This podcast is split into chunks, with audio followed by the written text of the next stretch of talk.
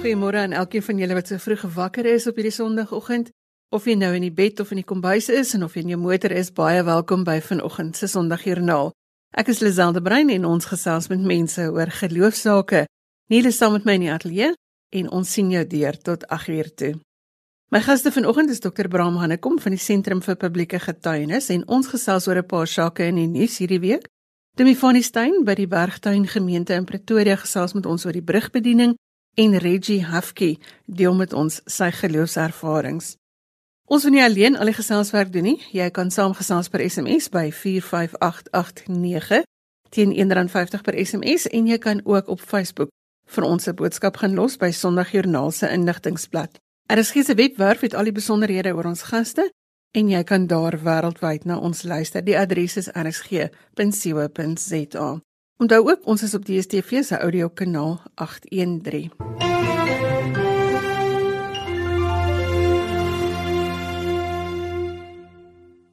Dr. Bram Hannekom is van die Sentrum van Publieke Getuienis en hy spandeer vanoggend tyd saam met ons om oor 'n paar nuusgebeure te gesels. Goeiemôre Bram. Goeiemôre Lisel en goeiemôre aan al die luisteraars. Dis weer lekker om saam met julle te kuier. Bram, ons het verlede week geraak aan die kwessies van Zimbabwe en die haglike omstandighede wat daar heers. Ons het onlangs verneem dat die kerke nou hulle stem laat hoor oor hierdie kwessie. Ja, Lisel, dis 'n baie interessante ontwikkeling wat uh, plaasgevind het die afgelope tyd. Uh, ek onthou die eerste keer toe ons Zimbabwe besoek het in 2007, toe daar die eerste groot ekonomiese krisis was. Uh, ons hou die onthou die die wisselkoers wat hier na 10 miljoen dollars, Zim, Zim dollars teenoor die rand gegaan het en ek weet nie wat als nie het ons met kerkleiers gepraat en op daardie stadium was dit asof die mense van Zimbabwe in totale skok was. Uh, hulle het nie geweet wat hulle getref het nie en uh, dit was baie duidelik dat kerkleiers baie huiwerig was om enige uitsprake te maak en ook uh, uitsprake teen die regering te maak. Ek weet nie of dit die, die wêreldwye verskynsel is wat ons sien in Hong Kong, um, ons sien in Belarus, ons sien in Suid-Afrika mense wat net uh, sê genoeg is genoeg en algaande het daar 'n momentum begin opbou ook in Zimbabwe. En toe het ons gesien dat die Catholic Bishops Conference van Zimbabwe 'n baie sterk bewoorde verklaring uitgebring teen die regering. En dit is gevolg deur die Southern African Catholic Bishops, die Vatikaan het 'n endorsement uitgebring om dit te ondersteun die Zimbabwean Council of Churches het dit ondersteun, die Evangelical Fellowship in Zimbabwe, die World Council of Churches, die Catholic Bishops Law Association, die Zimbabwe Anglicans, um dan is daar 'n platform of concerned citizens en daar ook selfs van die Verenigde Nasies het daar wat hulle noem 'n concern statement uh, uit uitgegaan. So ons sien dat hier skielik nie meer net uh, enkelinge is wat reageer nie. Die regering het baie sterk reageer deur hulle van hulle koerante wat ons weet daar is sekere uh koerante soos die Zimbabwean Herald wat uh, baie sterk pro die regering is uh, deur letterlik uitsprake te publiseer van ministers van die sogenaamde evil churches waarna verwys is wat geweldige spanning tussen die kerke en die regering geskep het. Uh, so dit is waar ons op die oomblik is ons sien uh, in die uh, die naderdraai van dit alles is daar toe inderdaad joernaliste en van die oppositieparty leiers uh, is toe vrygelaat. Uh, wat 'n positiewe ontwikkeling is, maar dat dit 'n gespanne situasie is, 'n onseker situasie. Ons sien dat die regering besef hulle is in in moeilikheid. Ek dink julle het uh, verlede week verwys na die ekonomiese toestand in Zimbabwe wat baie sleg is en die regering besef net hier is nie meer uitkom kans nie. So Ja, die momentum is besig om op te bou, maar as ek as ek net 'n laaste uh, opmerking hieroor kan maak, wat ons in Zimbabwe sien vandag, het nie oornag ontwikkel nie. Jy weet ek ek verwys altyd graag na die Kekorohundi veldtog in van 1983 tot 1987 waar daar duisende Ndebele uh, inwoners vermoor is. En uh, sedert daardie tyd uh, het meer mense gesê dat uh, ons sien in Zimbabwe eintlik nie 'n rule of law nie, dis 'n rule of fear. En ek het laas jaar met my eie oë gesien hoe die onderspolisie, daar's nie iets soos rubberkoels nie. Hulle ry met skerpend ammunisie en gewere rond. So dit is 'n baie baie moeilike situasie, maar die wonder van dit alles is dat ons sien dat daar 'n beweging is, soos in talle lande oor die wêreld, waar mense net sê genoeg is genoeg en die kerke speel 'n leidende rol, eintlik vir die eerste keer sedert 2007. Ek het gelees dat van die kerke probeer om kos bymekaar te maak sodat hulle net vir die mense kan kos gee om te oorleef. Kan die kerke verskil maak, Bram? Die feit dat hulle nou hierdie hulle stem laat hoor, watter verskil maak dit aan hierdie regering wat eintlik net maak wat hulle wil? Weet jy, sê dis 'n baie goeie vraag en 'n verskriklik belangrike vraag en 'n vraag dink ek waaroor uh as ons later vanoggend 'n bietjie oor Suid-Afrika en Suid-Afrika konteks praat, uh ook in gedagte moet hou. Uh kerke is nie altyd goed met protes nie. En uh, laat ek dadelik byvoeg daar daar's 'n unieke manier van protes aanteken deur die kerk. Die kerk in die wêreld teken nie op dieselfde manier protes aan nie.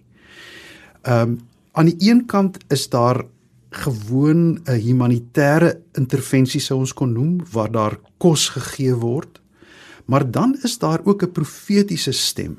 Ons sien in die geskiedenis dat daar enkele tye was waar die kerk dit gedoen het. Ek dink aan die Barmen-verklaring uh, in Duitsland tydens die Tweede Wêreldoorlog, Dietrich Bonhoeffer se werk wat hy gedoen het.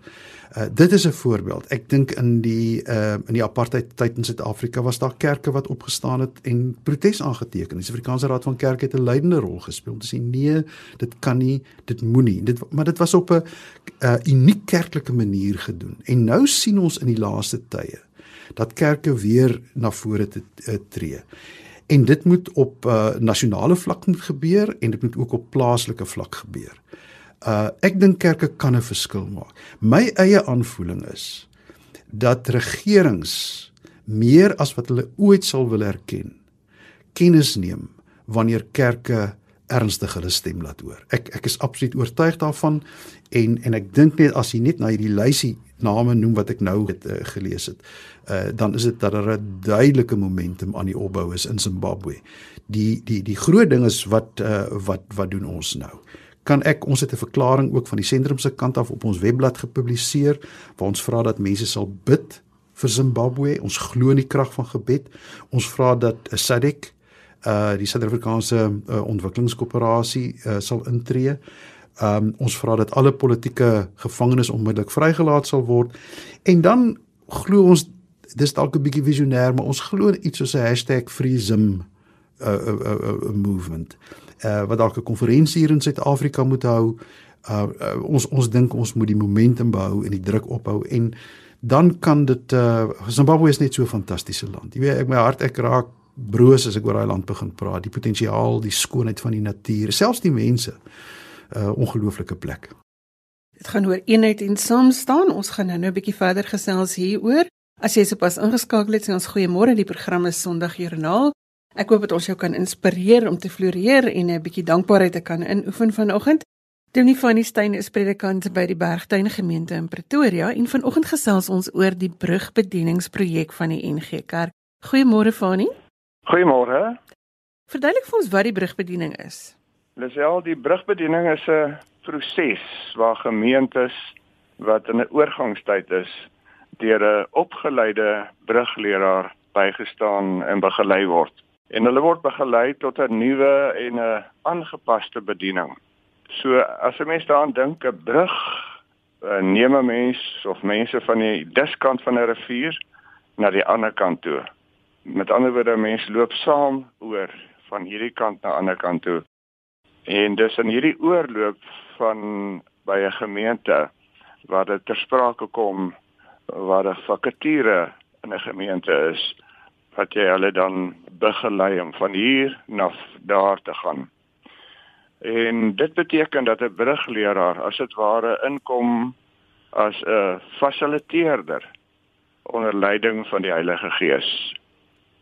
So brugbediening is 'n korttermynproses van omtrent 6 maande tot 2 jaar waar die brugleraar nie beroep kan word nie want hy begelei die gemeente.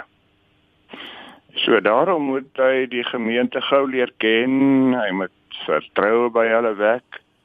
Ehm um, hy moet hulle vertrou Hy moet hulle probeer verstaan want elke gemeente verander en is anders. So hy loop dan die pad saam met die gemeente, nie net met die kerkraad nie of 'n kommissie nie. Hy gebruik die geleenthede om met almal saam te kommunikeer.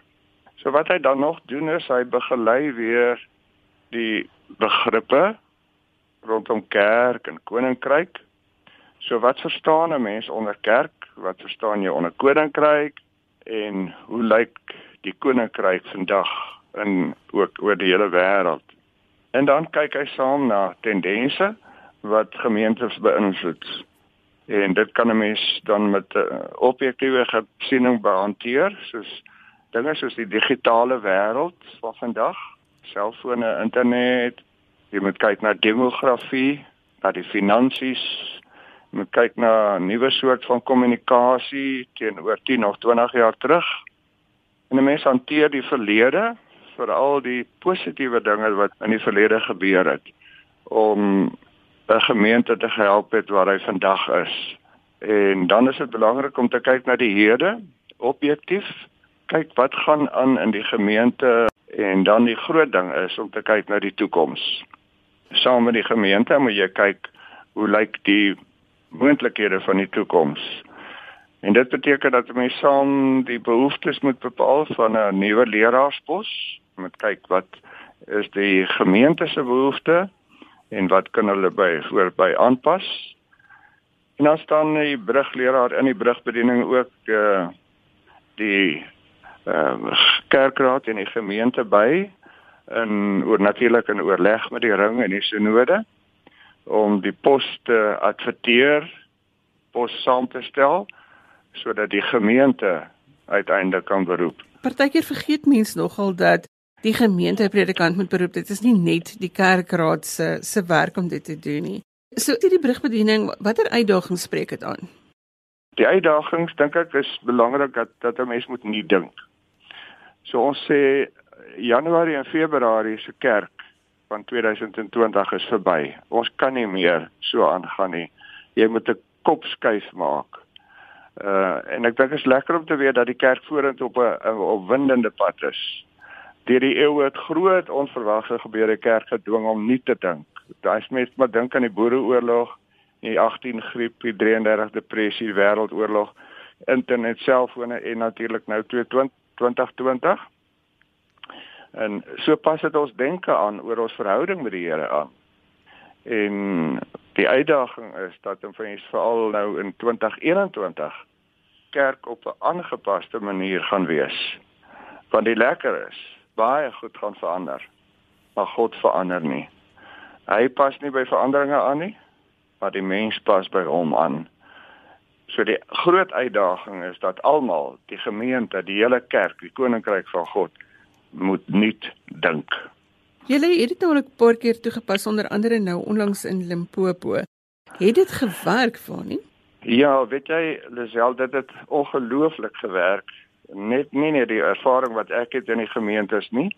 Uh in Limpopo ver in Noord-Transvaal, ook in die stad hier in Pretoria en ook die getuienis van my ander kollegas wat ook al gehelp het in ander gemeentes. Uh dit is uh ons het ongelooflike goeie terugvoer. Uh want die lekker is dat 'n mens uh opgeleide spanleraars het wat uh gemeentes kan help om heeltemal te heroriënteer om opnuut kerk van Christus te wees. En ek dink die belangrike is dat ons baie klem lê op die liggaamsmodel uh in die kerk.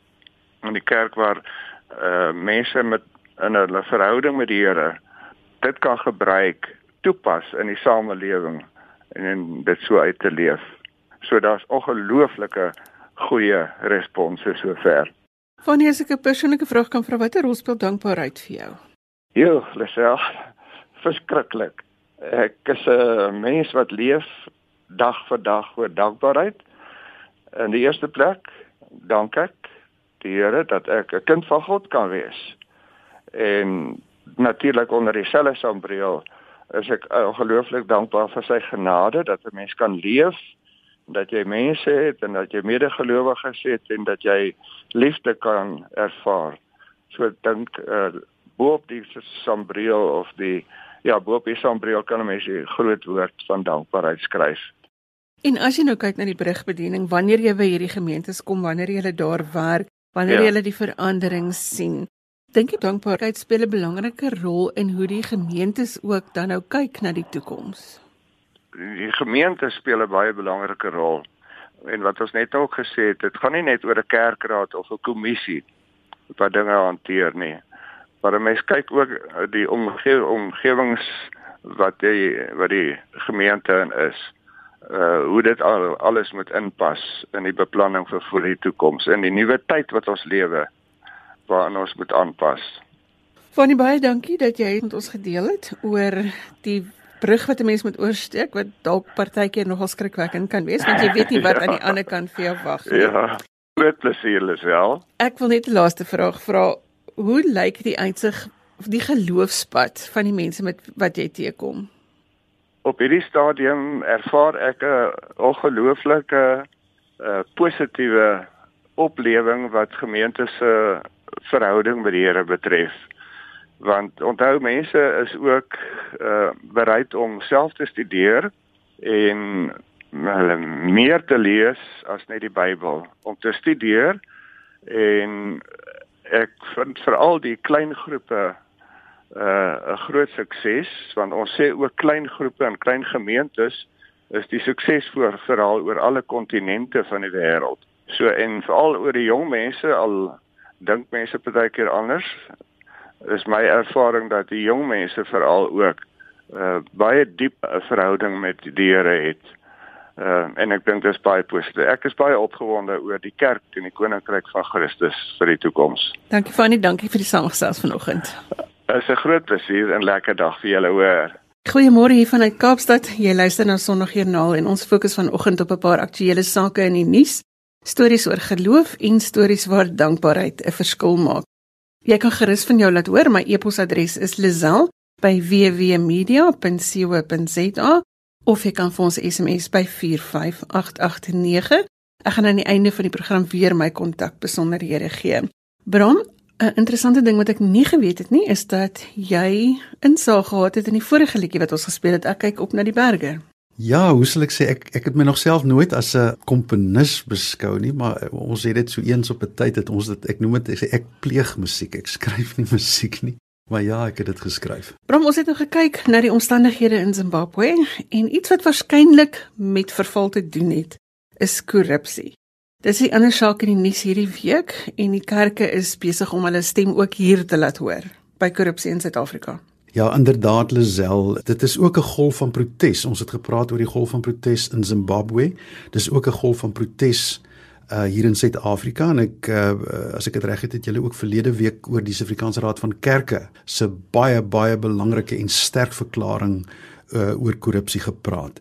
Dit is so dit is nie die enigste golf wat ons op die oomblik sien nie. Ons het uh die Move 1 Million beweging wat ons sien. Eh, daar was die reaksie van die regering toe en en ek weet daar is baie mense wat skepties is. As mens regtig 'n trekkie teruggee en objektief kyk na wat ons rondom ons sien, dan moet mens tog sê dat dit wat in die laaste weke gebeur, het ons nie in die laaste maande of jare eh, wat nog te sê in die vorige bedeling onder die vorige president gesien nie. Daar is duidelik 'n gety wat aan die draai is en en soos ons oor Zimbabwe gepraat het, is die is die belangrike ding dat ons die momentum behou en die groot vraag waarmee ons worstel uh, ook hier by die sentrum is hoe kan ons ook mense op plaaslike vlak ondersteun om konkreet en daadwerklik iets te doen? Dat, dat ons nie net terugsit en sê ja die raad van kerke het nou iets gesê en die president het iets gesê nou kan ons maar terugsit nie.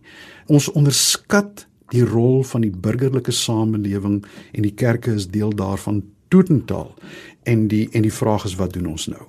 Dit voel vir my die tyd is verby dat ek nou hier in my eie klein wêreldjie kan sit en sê iemand gaan 'n verskil maak. Is dit nou die tyd dat ons moet saam staan dat ons in 'n netwerk moet saamwerk om hierdie ding te laat gebeur? Glisel toe ons uh, net nou oor Zimbabwe gepraat het, het ons gesê dat kerke sukkel om op 'n behoorlike manier protes aan te teken. Maar dit is asof ons net nie ingeoefen is daarin nie. Vir 'n baie groot deel van die luisteraars uh, glo ek wat ver oggend hier luister oor jare moet ons erken ons, ons is nie mense wat protes aangeteken het. Dit is deel van die kultuur nie. Jy met jou plek in. Jy met jou plek in. So so so wat nou? Die vraag is wat kan en moet en ek wil die moed beklemtoon op plaaslike vlak en op plaaslike regeringsvlak gebeur. Ons het uh, begin met 'n beweging en dit is ook uh, saam met die Sentrum vir Goeie Regering by Huguenot College op Wellington om 'n beweging te loods wat ons noem Integritas. Nou Integritas wil 3 dinge doen. Ons wil in die eerste plek wil ons mense geleentheid gee om te sê ek verbind my tot integriteit. Ek maak 'n nuwe verbintenis tot integriteit. En dit is geweldig belangrik. Ons moet preek daaroor. Ons moet in skole waardegedrewe leierskap kweek in ons huise. So so dis die integritas deel. Die tweede deel wat verskriklik belangrik is. Ons sal moet begin om vanuit die burgerlike samelewing die plaaslike regerings verantwoordbaar te hou tot 'n verbintenis van deursigtige regering. Daar is terme waarvan ek nooit nooit ooit geweet het toe ek op kweekskool sit eh, studeer het nie. Iets iets soos die, die geïntegreerde ontwikkelingsplan die die spatial development plan. Dit is alles dokumente wat beskikbaar is. Dis ons die die ABC van plaaslike regering maar rondom hierdie planne is daar miljoene rande wat vloei. En nou is die ding dat baie van die planne is nie altyd noodwendig buite die wet nie, maar as dit nie behoorlik gekontroleer word nie, dan word daar wettige tenders gegee aan mense teen opgeblaase bedrae en alles gaan ooglopend goed deur.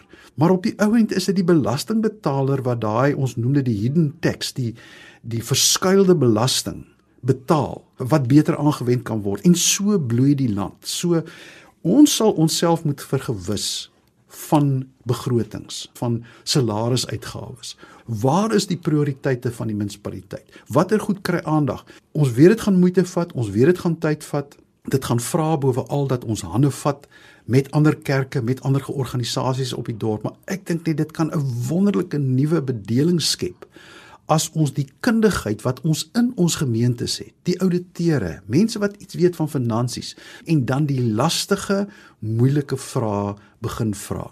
Ons sal doeteenvoudig 'n kultuur moet skep op plaaslike regeringsvlak om te sê ons ons wil nie met julle heeltyd beklei nie maar julle moet weet julle word opgehou ter wille van mense wat swaar kry en ter wille van mense wat ly.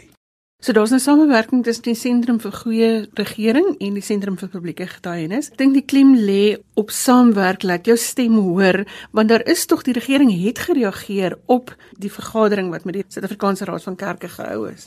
Ja, Kom ons maak dit nog meer konkreet uh Lisel. Woensdag het ons 'n uh, 'n uh, vergadering gehad waar ons verteenwoordigers genooi het van vyf dorpe: Woester, Victoria Wes, Richmond, Ladysmith en Calitzdorp. Uh, waar ons gesê het kom ons kry verteenwoordigers en ons begin hierdie gesprek op plaaslike vlak voer. Aan die een kant, wat is integriteitvolle deursigtige verantwoordbare regering maar die tweede is ook hoe kan ons hande vat met die plaaslike regering om 'n verskil te maak. In die Richmond omgewing is daar ongelooflike armoede en daar is skoonmaakprojekte nodig en da daar het mense opgestaan om te sê maar ons moet kan ons nie 'n verskil maak nie. Nou daar moet 'n koneksie gemaak word tussen plaaslike regering en die vrywilligers wat 'n verskil moet maak. Dieselfde het op Kalisdorp ge gebeur en so kan ek met die lysie aangaan. So dit, dit baie belangrik om te sê dis nie net 'n geveg nie dit is ook 'n konstruktiewe handevat om te sê ons wil hoopgewende lewegewende stories op plaaslike vlak in dorp beskryf en dit is moontlik. Bram om saam te vat vir ons program, wat is ons geloofsboodskap wat hierdie ding aanbetref? Ons geloofsboodskap is gewoon Lisel sou ek sê die Here is die Here van die hemel, maar hy is ook die Here van die aarde. En die hoop wat hy bring is nie net vir 'n hoop eendag nie, maar dis ook vir 'n hoop hier. En daai hoop is nie iets wat uit die hemel uit op ons neerdal nie. Dit vra dat ons as gelowiges met die gesag, ek sê nie die mag nie, met die gesag wat die Here vir ons gee, moue oprol en dood eenvoudig begin doen. Sou daai ding kon deurtrek na die politiek toe? Kan die kerk nie politieke partye bymekaar bring om te sê kom ons werk in eenheid saam dalk nie? Weet jy Lisel, ek ek gaan dit nou maar vanoggend hier noem. Ons het hierdie week het ons 'n besluit geneem dat ons van die sentrum se kant af ehm um, verskillende politieke amptenary, dit kan raadslede wees. Ehm um, uh, op provinsiale vlak bymekaar wil kry vir 'n dag of twee dag konferensie waar ons wil praat oor waardes. Uh, ons dink baie sterk dat die die NG Kerk gaan gaan leiding neem om mense te nooi en sê maar die kerk die kerk wil julle nooi maar ons wil nie net een party nooi nie ons nooi verskillende partye en sê kom kom ons sit net vir een dag saam om die tafel en ons praat oor waardegedrewe leierskap, integriteitsvolle leierskap en dit wat die land so nodig het. Dis 'n projek waaroor ek self verskriklik opgewonde is en as so iets kan gebeur en op skaal kan plaasvind in die land, kan dit uh, kan dit 'n groot verskil maak. Die boodskap wat ons wil uitstuur, moenie net dink aan die nasionale regering en die president nie. Dink plaaslik. Dink wat jy kan doen, maar nooit alleen net jou eie kerkie een alleen nie. Vat hande en ons kan 'n nuwe uh hoofstuk in die geskiedenis skryf. Jy luister nou Sondagjoernaal saam met Liselde Bruin. Ons gesels geloofsaake tot kort voor 8uur wanneer ons oorgie vir die nuus. Baie dankie dat jy saam luister.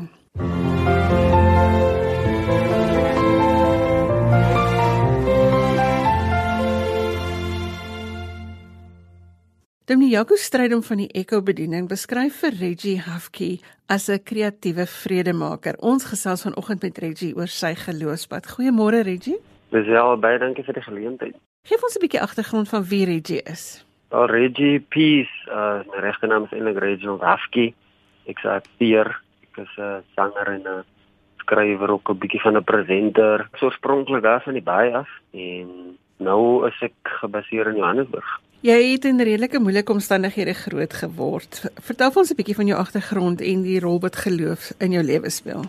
Ek het in die groot geword Sodewil um, in die noordelike areas en dit was moeilik geweest. Ek bedoel almal ken die noordelike areas as die gangster infested area waar al die goed gebeur en ek was ongelukkig in dit ingebore so ek was in poverty ingebore. My twee broers en ons het in 'n klein hok gebly agter in my ouma se jaar. Ons is van kleins af blootgestel basies aan seer en bedoel wanneer ek sê seer bedoel ek die ware en die nare realiteit van poverty.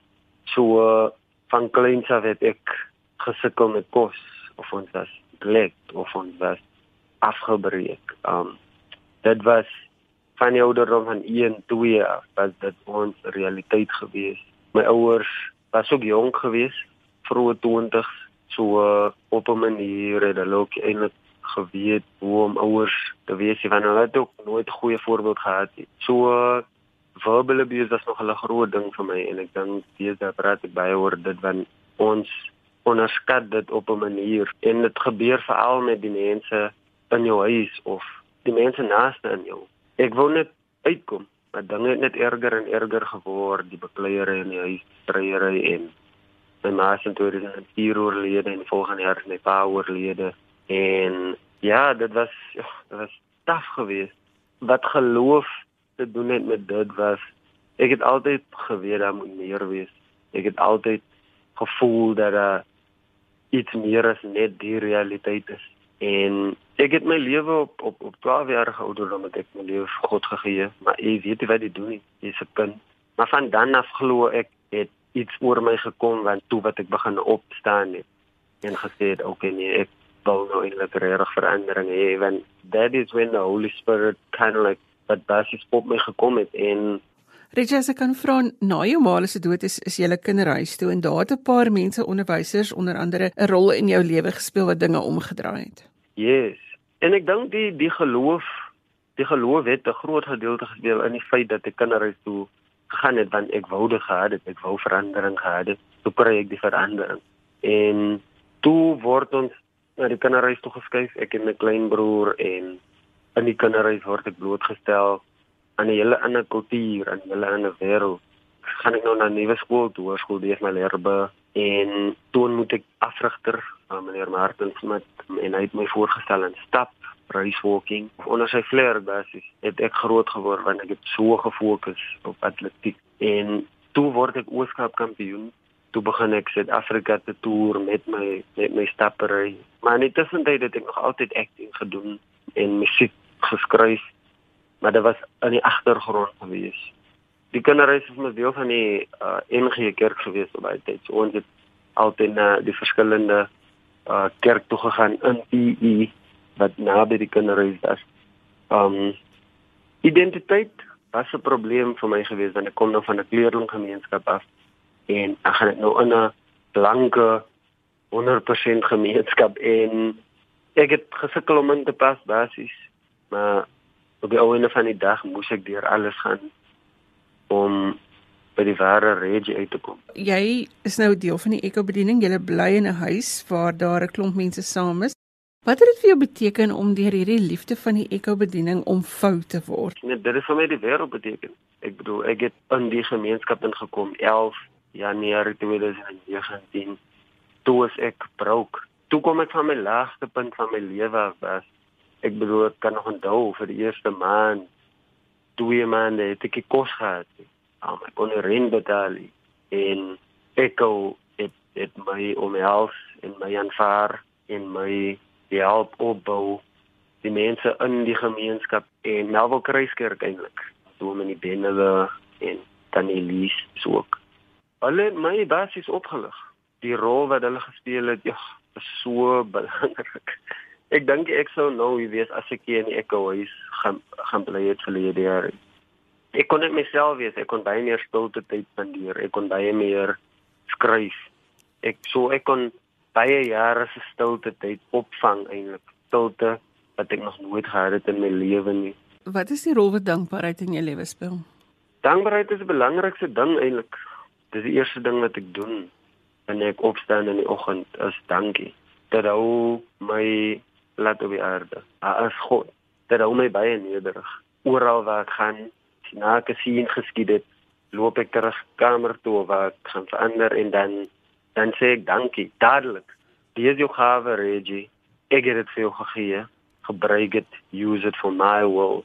So dis hoe ek dit verstaan en en dankbaarheid is die antwoord. Reggie, ek wil vir jou vra, jy werk nou ook met ander jong mense om hulle te bemoedig. Wat is die boodskap wat jy vir hulle gee oor jou geloofspad? Die antwoord lê binne, krap dieper. Met ander woorde, word stil en krap diep. Word stil en begin luister. Is te veel geraas in die wêreld nou se daar. Met alles waar kry jy kans om eintlik van God af te hoor? Wanneer kry jy kans? Kry stilte tyd in. Begin jouself te leer ken. Vra, praat met God. Praat. En so gesels Reggie Hafke. Hy is deel van die Eco bediening in Johannesburg. Reggie, baie dankie dat jy 'n stuk van jou lewe wêreld met ons gedeel het. Baie baie dankie vir die geleentheid. Brom net voordat ons groet, hoe gaan dit met die SARE projek wat deur die Sentrum vir Publieke Getuienis gedryf word? Ja, Lisel, dit is ook 'n groot lekkerte. Ehm um, die projek het ook ons verwagtinge oortref. Ons jy sal onthou dat ons op 'n stadium gesê het ons wil nie kospakkies uitdeel nie. Ons moet meer volhoubaar begin dink en toe het ons met twee konsepte begin werk 'n 'n boksie wat dan nou alles in een het van kunsmis die die saailinge die bakkies vir die saailinge en die sade die instruksies en dan nou gewone net sade. En dis so lekker om te sê ek ek het ophou tel hoeveel kerke by jy weet betrokke geraak het by die projek. Ek skat so by 1000 gesinne wat wat betrokke is al of wat geraak is. Uh, ek was nou die dag in Kailicha 120 tuintjies by huise, by skole, by ouete huise. So dit is vir ons net 'n groot lekkerte en ons wil maar weer mense net uitnooi as daar nog iemand is wat erns drie saadjies in die grond wil druk. Dit is 'n lekker ding. O, en laat ek net byvoeg, ons het ook besluit dat ons wil graag dit doen saam met uh, ons voorskoolse ontwikkeling projek by crashes.